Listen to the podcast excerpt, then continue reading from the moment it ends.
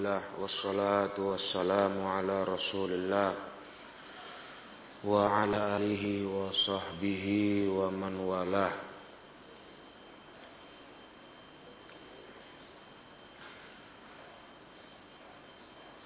Kita sudah baca tentang alamatul jahmiyah. Tanda-tanda dari kelompok Jahmiyah. Berikutnya adalah wa'alamatul qadariyah. Tanda-tanda kelompok qadariyah. Tasmiyatuhum ahlal asari ahlas sunnati mujbirotan. Tanda-tanda kelompok Qadariyah adalah mereka menamai ahlul asar, ahlul hadis dengan nama mujbirah.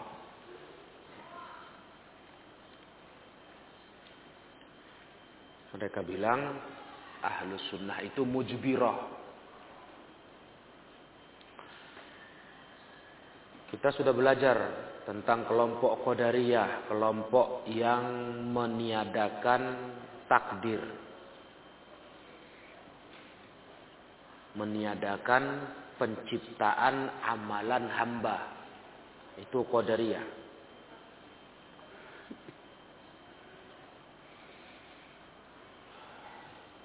Kelompok ini berkata apa? Allah Ta'ala hanya menciptakan badan.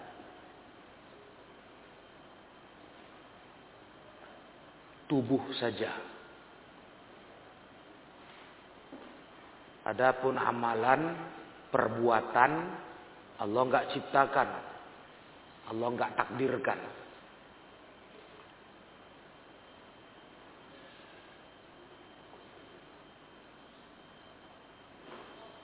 Mereka mengatakan takdir tak tidak ada. Berarti membuang rukun iman yang ke 6.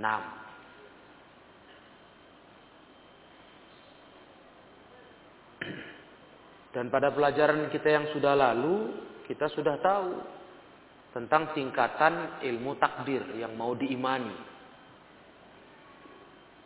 Itu jangan kalian lupakan.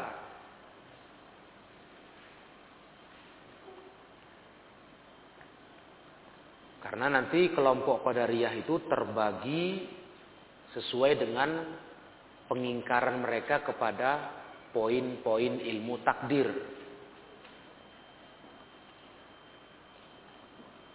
Tingkatan ilmu takdir itu ada empat kan? Pelajaran yang lama. Ini kan sudah pengulangan ini.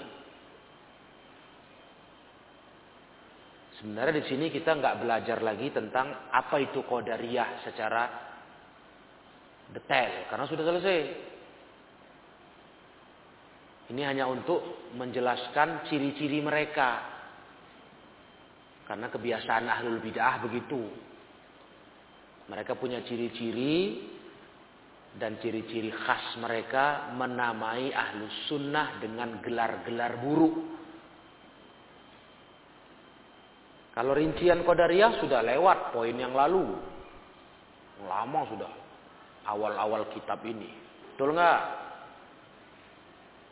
Kan nggak jadi nggak ngerti pula lupa apa itu kodaria kayak belajar baru. Nah,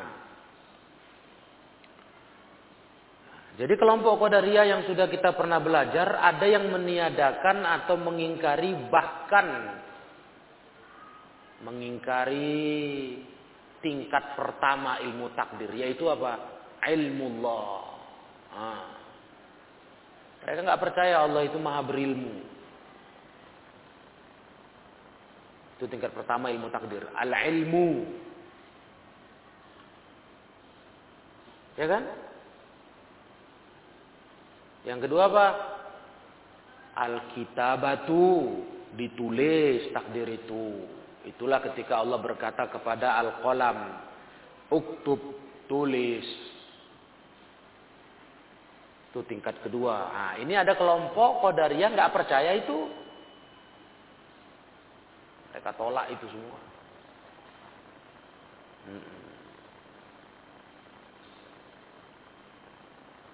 Yang ketiga apa? Al-masyiatu.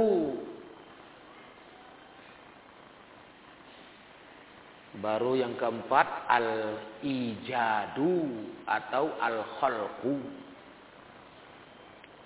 Ada yang mengingkari dua pertama, ada yang mengingkari dua yang terakhir. Kalau mengingkari dua yang pertama dari ilmu takdir, dia kafir. Dia nggak percaya Allah Taala berilmu, maha berilmu dan dia nggak percaya dicatat takdir itu. Nah, ini kafir ini. Itu yang kata ulama al-qadariyatul ghulatu. Kelompok qadariyah ekstrim. Yang paling parah. Hmm. Ada juga mereka meyakini Allah berilmu. Yakin mereka, itu mereka nggak ragu. Cuma mereka nggak percaya Allah menentukan takdirnya dalam kenyataan. Nah, itu jangan kata mereka, jangan yakini itu. Nah, ini ulama nggak kafirkan kelompok Qadariyah itu. Begitu dia. Pentingnya kalian mengenal tingkatan ilmu takdir karena nanti tingkatan itu penentu kondisi para kelompok Qadariyah. Nah, mereka menganggap apa dalam pelajaran kita yang sudah lama? Kata mereka Allah tidak ciptakan perbuatan hamba. Tak ada Allah takdirkan itu. Karena menurut mereka, kalau Allah ciptakan perbuatan hamba, yang itu isinya taat, maksiat, kan semua perbuatan hamba itu isinya. Taat, maksiat. Nah, kalau itu dicipta Allah taala, berarti Allah taala nanti bisa kita anggap zolim. Masa dia mencipta menakdirkan kok dia menghukum kalau hamba buat maksiat. Gimana itu kata mereka. Nah, zolim nanti Allah kata mereka. Kan Allah yang menentukan perbuatan maksiat, contohnya mencuri, kan Allah yang menentukan takdir. Masa dihukum masuk neraka? Nah, itu menurut otak mereka. Nah, Hah?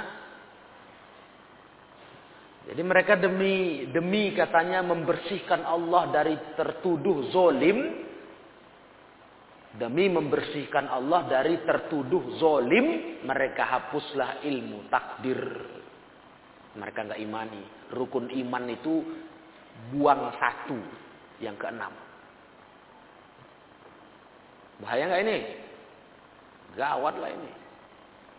Rukun iman ada lima gitu. Rukun iman itu ada enam. Anak TK pun tahu itu. Hei kodaria. Ya kan? Gak usah kan orang dewasa, orang Islam dewasa. Anak kecil TK diajari itu. Rukun Islam ada lima rukun. Iman ada enam. Ya kan? Nah kalau dari, dari otak mereka.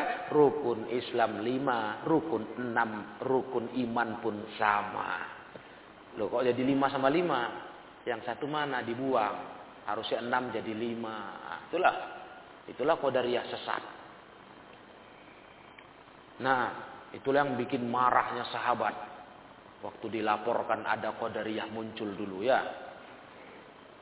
Hah? Dilapor ke siapa? Ke sahabat Nabi Ibnu Mas'ud. Pernah dilapor ke Ibnu Umar. Sampai terakhir ada laporan ke Ibnu Abbas. Sampai kata sahabat, kasih tahu ke mereka ya.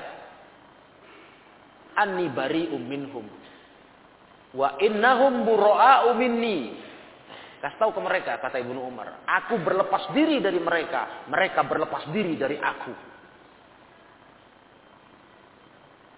Ketika dilaporkan kepada sahabat Nabi di daerah mereka. Waktu itu ada orang dari daerah Irak. Jumpa paham Qadariyah. Wah ngeri kali ini. Pergi berumroh ke Mekah. Jumpa sahabat lapor. Nah, itulah jawaban sahabat. Emdo. Pernah dilapor kepada Ibnu Abbas. Sama marah besar. Kata Ibnu Abbas, kalau aku ketemu mereka, ku gigit hidungnya sampai putus. Hmm. Saking jijik kali nengok kelompok itu. Ku gigit hidungnya putus. Udah ngerti kalian kan? Itu sesatnya Qadariyah. Kelompok sesat. Kelompok yang kata ulama hasil dari apa pemikiran orang-orang Yahudi dulu. Ya kan? Warisan buruk yang menyesatkan manusia. Nah, nah jadi kelompok Qadariyah begitulah. Tanda mereka menamai, menggelari ahlul ahlus sunnah, ahlul asar dengan gelar mujbiroh. Nah, apa itu mujbiroh? Ya lawannya lah. Mujbiroh menurut mereka itu kelompok yang percaya takdir.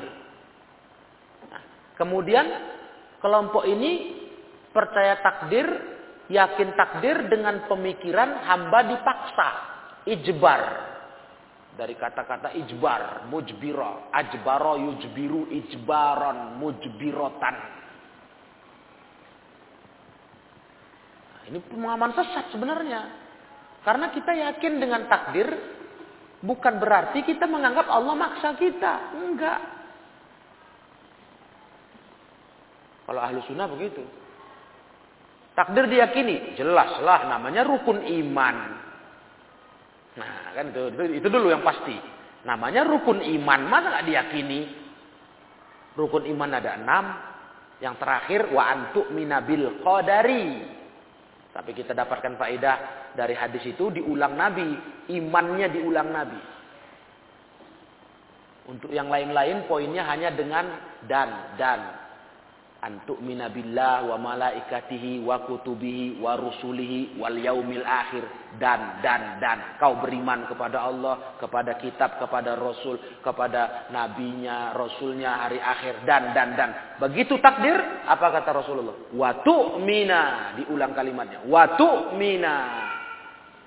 Bil qadari khairihi wa syarri pernah pernah kalian dapat belajar kan? Apa faedah pengulangan itu untuk menekankan tentang iman kepada takdir. Ketika beriman kepada Allah dan sebagainya disebut dengan kalimat dan saja. Antuk minabillah wa malaikatihi wa kutubihi wa rusulihi wal yaumil akhir. Dan dan kau beriman kepada Allah, kepada malaikat dan dan dan. Begitu takdir nggak dibilang dan takdir nggak, tapi dan engkau beriman diulang lagi. Cuma bukan berarti mengimani takdir, berarti kita menganggap Allah memaksa kita, ijbar. Bukan begitu. Nah itu kelompok sesat pula, namanya mujbiroh. Kelompok sesat mujbiroh. Yang menganggap Allah menentukan takdir hamba sebagai bentuk paksaan. Diibaratkan kita kayak pohon yang ditiup angin. Ya ngikut aja lah namanya ditiup, dimbus datang angin meniup ke kanan ke arah selatan ke selatan lah angin apa pohon itu belok condong ditiup lagi ke utara belok lagi ke barat ke timur. Dia bilang kelompok mujbirah bilang kita kayak gitu hidup ini sehingga bagi mereka nauzubillah orang taat orang maksiat sama aja baiknya sama aja Bukankah mereka sama-sama mengikuti kemauan Allah dalam takdir kata mereka? Ngeri kan? Jadi kalau orang buat jahat, nggak boleh dicela, nggak boleh, nggak boleh dihukum, nggak boleh. Kenapa? Dia kan ikut takdir katanya. Hmm. Sudah pernah kalian dengar kan? Paham seperti ini. Sehingga dengan paham seperti ini kata ulama kita tanya ke mereka. Jadi diguna, gunanya Rasul diutus itu ngapain? Rasul tuh ngapain diutus? Ngajari kita mana baik, mana buruk. Lah kalau baik buruk sama aja untuk apa? Untuk apa Nabi diutus? Untuk apa Nabi menerangkan halal haram? Toh sama aja. Kalian makan halal pun ikut takdir, makan haram ikut takdir. Betul? Kalau cerita takdir, betul lah takdir semua itu. Sama. Makan gulai kambing takdir. Gulai babi pun takdir. Hah? Ya namanya semua perbuatan takdir. Cuma kan nggak begitu cara pikirnya. Karena Allah Ta'ala punya dua kehendak. Itu bagi ahli sunnah. Bukan hanya takdir yang ada dari Allah atas hamba. Irodah kauniyah. Bukan hanya itu. Tapi ada irodah syariah. Syariat hukum. Begitu. Bukan hanya takdir aja kau pikirkan. Jadi hukum kau taruh mana? Buktinya hukum itu ada, Allah utus para rasul, bukan Rasulullah aja loh. Para rasul dari Nuh sampai Muhammad sallallahu alaihi. Untuk apa gunanya diutus mereka para rasul? Ngajari umat mana baik, mana buruk. Yang baik biar diikut, yang buruk ditinggalkan. Itu namanya irodah syariah. Kalau takdir namanya irodah kauniyah. Dua-dua diyakini, ya diyakini. Kalau kau yakini satu hancur kau nanti. Kau yakini iroda syariah saja, kau niat nggak ada, takdir nggak ada, jadi jadi kodariah kau, ya kan? Hah? Apa resikonya? Paham kodariah? Allah nggak menakdirkan perbuatan hamba, berarti Allah lemah. Betul nggak? Karena iroda syariah aja kalian yakini. Allah menginginkan kebaikan bagi hamba. Kan di, begitu dalam hukum syariat. Allah maunya kita bertakwa, taat. Kenyataan banyak mana orang taat sama orang maksiat? Maksiat. Berarti Allah kalah. Kalah sama hamba. Wah, gawat lah. Masa Allah pencipta maha segalanya kalah sama hamba. Allah maunya kita baik, kita nggak mau baik. Seakan-akan begitulah. Mau apa Allah? Aku tak mau baik. Kalah sama hamba. Kalau nggak ada takdir, berarti irodah syariah Allah nggak dituruti hamba semua. Lebih banyak pun orang nggak mau ikut syariat daripada mau. Banyak nggak mau kan? Berarti Allah kalah. Nah, itu kalau kita nggak percaya takdir. Berarti Allah lemah. Berarti Allah nggak hebat. Dah? Tapi kalau kita percaya hanya kepada kepada takdir saja, tapi kita nggak percaya kepada syariat, hancur lagi, sama rusaknya. Tadi jatuh kepada Qadariyah, ingkar takdir. Sekarang kita jatuh kepada Jabriyah. Apa itu? Yang meyakini satu iroda, iroda kauniyah, syariah nggak ada. Berarti Allah Ta'ala main-main ngutus para rasul. Ecek-ecek, bohong-bohongan. Untuk apa diutus rasul banyak kali? Sampai ada perang-perang segala. Sampai Allah hukum mereka yang nggak patuh. Dihukum dengan siksa Oh, ada yang kena banjir besar kaum Nabi Nuh, ya kan? Ada yang kena petir, kena angin dingin, ada yang tenggelam di laut Firaun karena melawan ke Nabi Musa. Jadi itu ngapain itu kejadian itu semua? Hah? Kalau kita hanya berkata yang penting takdir saja diimani, nggak ada syariat, loh. Jadi ngapain itu kejadian itu semua? Apa itu namanya? Ecek-ecek itu sandiwara, Pak. Hah? Itu sandiwara. Sandiwara itu kan cecek. Nah, nggak serius. Settingan gitu. Nah, kan gawat itu. Berarti menuduh Allah ini ini Allah ini nggak nggak genah-genah kerjanya ini. Nggak beres ini. La ilaha illallah ta'ala Allah. Maha tinggi Allah dari anggapan seperti itu. Allah itu berbuat dengan keadilan penuh hikmah. Nggak ada yang sia-sia. Nah, makanya kalau kalian hanya yakin dengan takdir tapi nggak yakin dengan syariat, hancur, sama hancurnya. Mau jatuh kodariyah, mau jatuh jabriyah, sama aja rusaknya. Paham nggak ini? Nah, makanya halus sunnah tuh di tengah-tengah. Kita beriman dengan takdir sepenuh hati, tapi kita juga beriman dengan syariat. Urusan takdir urusan rahasia Allah. Jangan kau pikirkan itu, itu rahasia Allah. Jalani aja. Yang pasti kau diatur dengan syariat. Itu aja kau pikir. Jangan kau pikir, apa takdirku ya? Mana ada yang tahu? Ngapain kau pikir itu? Yang penting kau berbuat saja. Nah, orang normal gitu lah hidup. Kenapa kau pikir apa takdirku nanti ya kalau mati neraka apa surga? Lah kau dipikir kau ada dapat jawaban dari mana? Sampai kapan pun nggak ada jawaban itu. Karena itu rahasia Allah. Hmm. Atau nanti aku sudah dewasa jadi apa aku ya? Jadi ustadz apa jadi bandit juga? Nah, kayak yang pernah kita contohkan kan, ada orang tua berpikir, untuk apa nyantri anakku lah? Ngapain belajar? Toh kalau memang takdir jadi bandit, jadi bandit juga. Hah? Untuk apa mondok? Kalau ternyata jadi orang soleh, jadi orang soleh juga walaupun dia nggak mondok, walaupun dia di usia mudanya narkoba, tapi satu saat jadi ustadz kalau takdirnya ustadz katanya. Kau paut kau bilang. Kau kalau beragama kok begitu kau berpikirnya. Kalau sakit lah kau dulu. Kalau sakit kau. Kau demam dikit ribut kali. Wow, berobat. Sibuk kali, mau cari obat, takut kali mati. Kenapa kau nggak berpikir aja? Apa takdirku ya setelah sakit nih ya? Mati atau enggak? Udah mati aja udah. Gitu. Mana ada kau ribut kau. Ribut. Cerita anak mau belajar agama mikir takdirnya apa. Cerita anak baru kaki bengkak nanah dikit aja. Waduh Ustaz nanti infeksi. Permisi. Itu Bapak Glenn. Muhalim ketawa. Kenapa Pak? Benar usut kakinya Ustaz. Kenapa? Kena duri katanya. Tunjukkan nanahnya. Masya Allah. Ini mau dibilang banyak gaya. Soalnya kita sering benana biasa aja kok congkel nanahnya. Ya kan? Nah, alami dengan tubuh kita keringal dia. Tapi oh, bahaya nanti infeksi usah jadi permisi. Kenapa nggak ada berpikir? Bagaimana kalau ternyata berobat toh nanti kaki ini busuk juga? Toh kaki ini rupanya apa rusak juga, udah ngapain berobat? Gak ada gitu kan? Sibuk, oh, sakit perut nanti mana tahu penyakit dalam. Alah, sakit perut biasa aja lah.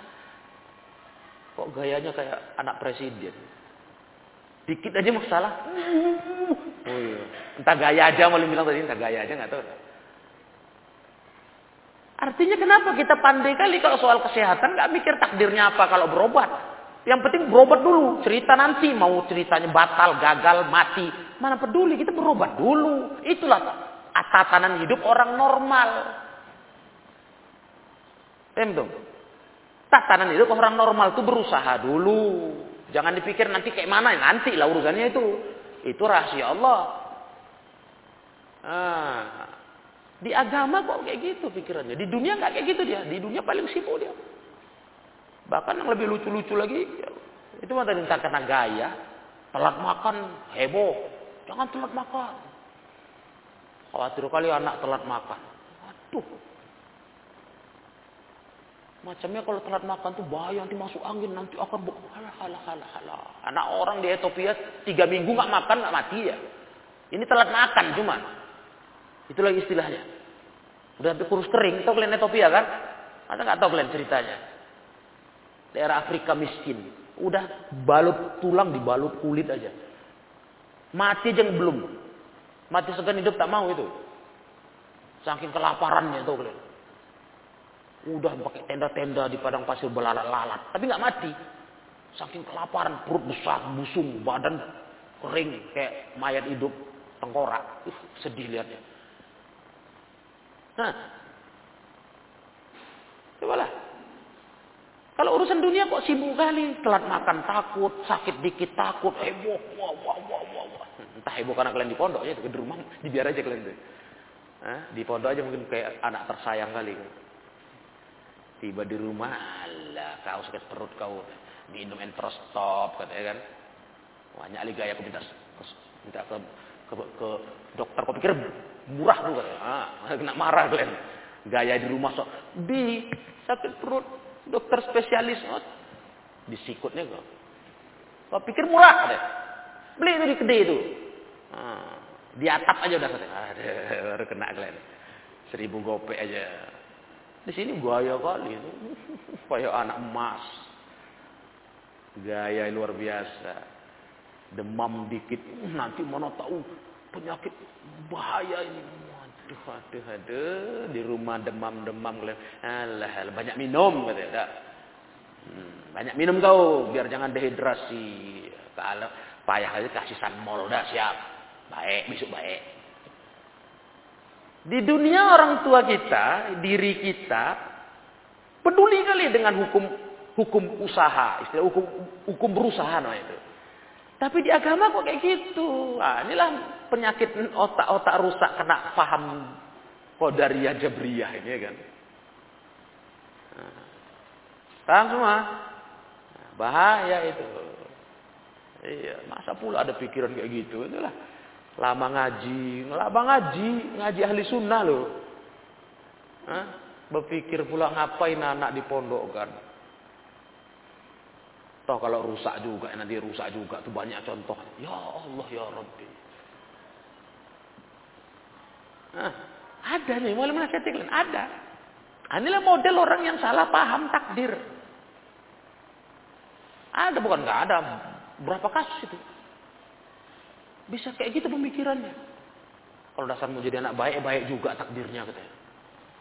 Nah, kalau dasar anak bejat-bejat juga percuma dipondokkan bertahun-tahun. Loh, itu urusan takdir nanti. Urusannya kau berusaha. Apa kerja kita harusnya sebagai seorang yang beriman? Jalani jalan kebaikan. Penuhi irodah syariah Allah. Rendok? Urusan nanti takdirnya bagaimana sama kayak orang berobat tadi. Yang penting berusaha dulu. Urusan nanti batal, gagal. Udah makan banyak obat, berobat ke sana kemari. Mati juga. Baru cerita takdir. Kan begitu. Betul nggak? Begitulah cara hidup. Itu hidup orang normal namanya. Orang normal begitu. Bukan terus nggak jadi berobat gara-gara takut nanti mati udah habis duit. Alah percuma nanti mati juga. Nggak ada orang nggak ada. Sampai-sampai kalau di kita di masyarakat aja nggak usah kan kalian yang udah berilmu, mengenal ilmu. Masyarakat aja orang udah napas satu-satu. Sekarat tapi di rumah sakit. Mana tahu masih bisa hidup, mana tahu masih bisa sembuh. Padahal kalau dipikirkan, alah udahlah nggak usah lah udah. Udah napas di ujung tanduk udah. Istilah orang telur di ujung tanduk tinggal jatuh prak pecah mati. Oh, belum tentu lah kan masih hidup katanya. Mana tahu dimasuk obat dokter, penanganan dokter seger gitu. Ya kan betul kan? Cerita matinya nanti itu takdir baru cerita takdir. Pokoknya usaha dulu orang. Mana mau orang berpasrah diri. Nah, begitulah beragama. Nah, begitulah beragama. Kalau cerita nanti takdirnya harus bejat juga ya, ngapain kalian nunggu-nunggu atau khawatir-khawatir? Contoh aja udah banyak. Nah, kalau cerita itu ya, udah tokoh agama pun sesat juga. Contoh aja banyak. Bahkan kita udah pernah contohkan. Siapa tokoh musyabihah pendirinya? Mumatsilah. Siapa? Muqatil bin Sulaiman. Tahu kan siapa itu? Hah? Itu bukan santri yang banyak nilai rapotnya merah, bukan. Itu mufassir, ahli tafsir, tahu kalian? Bukan macam kalian mondok merah-merah, bunga-bunga. Itu orang pintar, itu ulama. Tengok akhirnya jadi apa? Mujassimah, musyabbihah. Apa terus jadi contoh begitu maksudnya? Ah, mana tahu aku belajar udah pintar jadi kayak gitu. Enggak kayak gitu lah. Itu urusan takdir dia. Kita nggak tahu takdir kita. Jelas kan? Nah, ini makanya jangan jadi jabriyah. Jangan jadi jabriyah percaya takdir tapi nggak percaya irodah syariah. Dengar kalian bahayanya dua paham ini kan? Mulai ulang sekali lagi biar paham. Kalau kita percaya takdir saja, nggak percaya dengan hukum Islam yang bahasa lainnya iroda syariah, berarti Allah mengutus nabinya sia-sia. Karena nabi membawa hukum syariat. Kalau ternyata dalam ilmu takdir sama saja orang baik orang buruk, berarti agama untuk apa? Berarti kita menuduh Allah itu sia-sia aja kerjanya. Main-main aja ngurus nabi sampai sekian mengutus nabi sekian orang.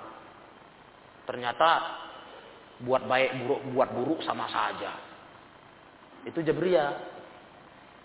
Nah, kalau kita hanya yakin dengan iroda syariah nggak yakin takdir yaitu kodaria ingkar takdir kodaria ingkar takdir ya kita hanya yakin dengan iroda syariah berarti kita berkata Allah Taala lemah Allah nggak kuat nggak hebat karena kalah sama hamba Allah mau kita baik kitanya nggak mau baik kalah Allah sama kita kan Allah maunya kita baik jadi orang bertakwa beriman soleh Ternyata banyak orang nggak beriman, nggak bertakwa. Berarti Allah kalah, lemah. Maha suci Allah dari sifat lemah. Paham tuh? Nah begitu. Jadi antara kelompok Qadariyah Jabriyah ini masing-masing nuduh sunnah dengan kelompok yang berseberangan. Kalau Qadariyah bilang ini orang-orang percaya takdir nih bilangin kita ini Jabriyah katanya. Nanti Jabriyah bilang kita begitu. Dibilang, eh ini kodariyah ini. Ketika kita menjelaskan, nggak boleh cara tak beriman takdir kayak gitu. Caranya begini, ah, dibilang kita kodariyah. Di bola-bola, dilempar-lempar, digelar-gelar. Itu sudah biasa. Nah, jadi kalian makin tahu sekarang. Bahwasanya ahlu sunnah itu sudah terbiasa dari dulu diberi gelar-gelar oleh ahlul bid'ah. Biasa. Nah, Ya, seperti pelajaran kita yang lalu. Jamiah menggelari sunnah apa? Musyabbiha. Karena kita meyakini sifat Allah. Dibilang kita menyerupai Allah dengan makhluk. Kata orang Jamiah, ah kalian musyabbiha. Kenapa? Karena kita mengimani sifat Allah. Padahal kita mengimani sifat Allah dengan prinsip apa? Tidak serupa dengan makhluk. Itulah kerja ahlul bidah. Main tuding-tuding aja, main tuduh, main fitnah. Nah, itu udah biasa. Jadi kalian di, di jalan dakwah sunnah ini mendengarkan semua orang, ejekan orang, gelar-gelar orang, biasa saja. Udah paham, udah belajar. Itu begitulah memang kondisinya. Ya kan? Itu biasa itu. Nggak usah terkejut badan. Jadi kalau udah sering gelar-gelar begitu, kita malah cepat tahu. Nah, kalau Qadariyah gelar kita mujbirah. Oh iya sudah. Ini Qadariyah ini. Kalau udah bilang kita yang meyakini takdir adalah mujbirah, jabriyah, berarti dia Qadariyah. Selesai. Tahu kita langsung. Ciri-ciri, tanda-tanda dari ahlul bid'ah itu nampak. Ngerti? Nah, sehingga kita jadi kuat mental cuma diejek itu biasa. Ah, kita pun diejek dengan ejekan yang sifatnya enggaknya hebat-hebat kali pengaruhnya. Rasulullah aja diejek dengan ejekan yang sangat mengerikan. Diejek sebagai tukang sihir, sahih? Tukang syair. Diejek sebagai orang gila. Majnun. Sa syairun majnun, sahir. Ya biasa saja. Nggak terus lari, nggak terus takut, nggak terus berondok. Nah, ini nanti baru terasa kalian faedah ilmu ini. Waktu kalian dah sendiri. Nah, tegak sendiri di daerah-daerah, di rumah, di kampung. Nah, baru kalian tahu. Kalian ajarkan ilmu ini ke masyarakat. Nah, baru muncul suara-suara tadi. Ah ini, ini. Ini kelompok ini, ini kelompok ini. Digelar-gelar kita entah apa-apa. Ya, biasa aja. Ya, karena alhamdulillah kita udah belajar ilmu tentang itu. Nah, wa alamatul murji'ah tasmiyatuhum ahlas sunnah mukhalifah wa nuqsaniyah. Begitu pula murji'ah. Tanda-tanda mereka menamai ahlu sunnah dengan nama mukhalifah. Apa arti mukhalifah? Yang menyelisihi. Ya, yang menyelisihi. Artinya bagi mereka ahlu sunnah ini menyalah. Hmm. Menyalah, menyalahi keyakinan yang benar. Yang benar menurut versi mereka. Jadi digelari dengan gelar mukhalifah. Menyalahi keyakinan mereka. Apa keyakinan murjiah? Kita belajar kita. Murjiah kelompok yang tidak memasukkan amalan bagian dari iman. Nah, Kelompok yang memasukkan amalan bukan bagian yang tidak memasukkan amalan dari iman. Ya. Iman cukup di hati dan di lisan. Bahkan ada yang lebih jahat, lebih ekstrim, iman cukup pengetahuan hati, ma'rifah. Udah belajar itu semua udah di awal-awal pelajaran kitab ini. Itulah gunanya murojaah. Hmm? Karena ilmu agama ini beda sama ilmu dunia. Jadi bukan hanya udah lewat belajar, udah lewat jenjang kurikulum, jangan begitu. Kalau kalian sekolah umum ya gitu. Mana laku lagi. Insya Allah belum ada lah ya yang tahu kita. Anak sekolah umum jenjang SMP, SMA seumur kalian ini. Tamat dari sekolah SMA. Buku SMA itu masih dia murojaah. Belum ada kan? Udah nggak laku, udah jadi bungkus belacan itu dijual ke pajak kiloan. Karena itu belajar di kelas itu hanya sekedar melepaskan masa belajar secara kurikulum. Itu kalau belajar umum. Makanya nggak ada, nggak ada punya koleksi buku sekolah SMA, apalagi SMP, eh, apalagi SD. Untuk murojaah nggak ada. Terus karena nggak ada kelas, nggak ada mutunya itu. Itu hanya lepas kurikulum belajar aja. Nah, kurikulum pelajaran jenjang. Makanya habis itu habis. Apalagi model-model buku pelajaran anak umum ada edisi baru. Edisi lama nggak laku, itu lagi dijual kiloan ke pajak untuk buku sebelacan, kan asin. Mana laku? Beda sama ilmu agama. Kita belajar bukan dasar kurikulum, tapi dasarnya untuk pemahaman, pengamalan. Pemahaman, pengamalan. Makanya nggak ada rumusannya buku kalian ini habis belajar terus dijual sama adik kelas. Nah, itu dongok kalian. Itu bodoh. Jahat kalian. Habis aku dah jual, mau beli kalian. Ya Allah ya Rabbi, kau inilah ada yang kayak gitu soal. Dijualnya bukunya. Memang enggak entah, entah mungkin takdir jeleknya anak ini mungkin. Kalau itu mungkin lah. Inilah buku ini barang emas kita ini. Di sinilah ilmu kita yang mau kita murojaah tiap saat. Mahalnya ilmu agama tuh. Hmm. Inilah barang mahal kita daripada lain-lainnya. Di sinilah tuangan ilmu kamu belajar tuh catatan-catatan. Oh, mahal nilainya itu. Jangankan mau dijual pula. Terusak sana ya nangis kita. Betul. Lama kali bingungnya. Lama kali ngobati hati. Kalau buku kitab-kitab kita tuh ada rusak kena air. Wah. Kesel lama sayang kali. Uduh kenapa? Kita dapat dapat agama gitu dari situ. Catatan kita ada semua masya Allah. Nah gitu. Jadi murojaah. Jangan udah lewat lewatlah sudah. Nanti habis tamat mondok ditanya apa kau dari ya? Apa ya? katanya apa ya? Nggak tahu apa Astagfirullah. Ya semua pelajaran begitu tuh kalian belajar nahu semua, bahasa Arab, hadis, fikih semua. Jangan nanti begitu. Dibilang juga pondok yang bodoh. Awak yang bodoh. Tamat pondok pesantren Salafiyah 6 tahun. Yo, mantap. Dia mondok lagi. Ditanya gurunya, apa naat? Enggak tahu awak. Eh, kau yang bodoh. Pondoknya paten. Udah tamat kau diajarin. Naat itu ini. Badal ini. Kamu enggak Gak murojaah, kau pikir ilmu agama ini apa?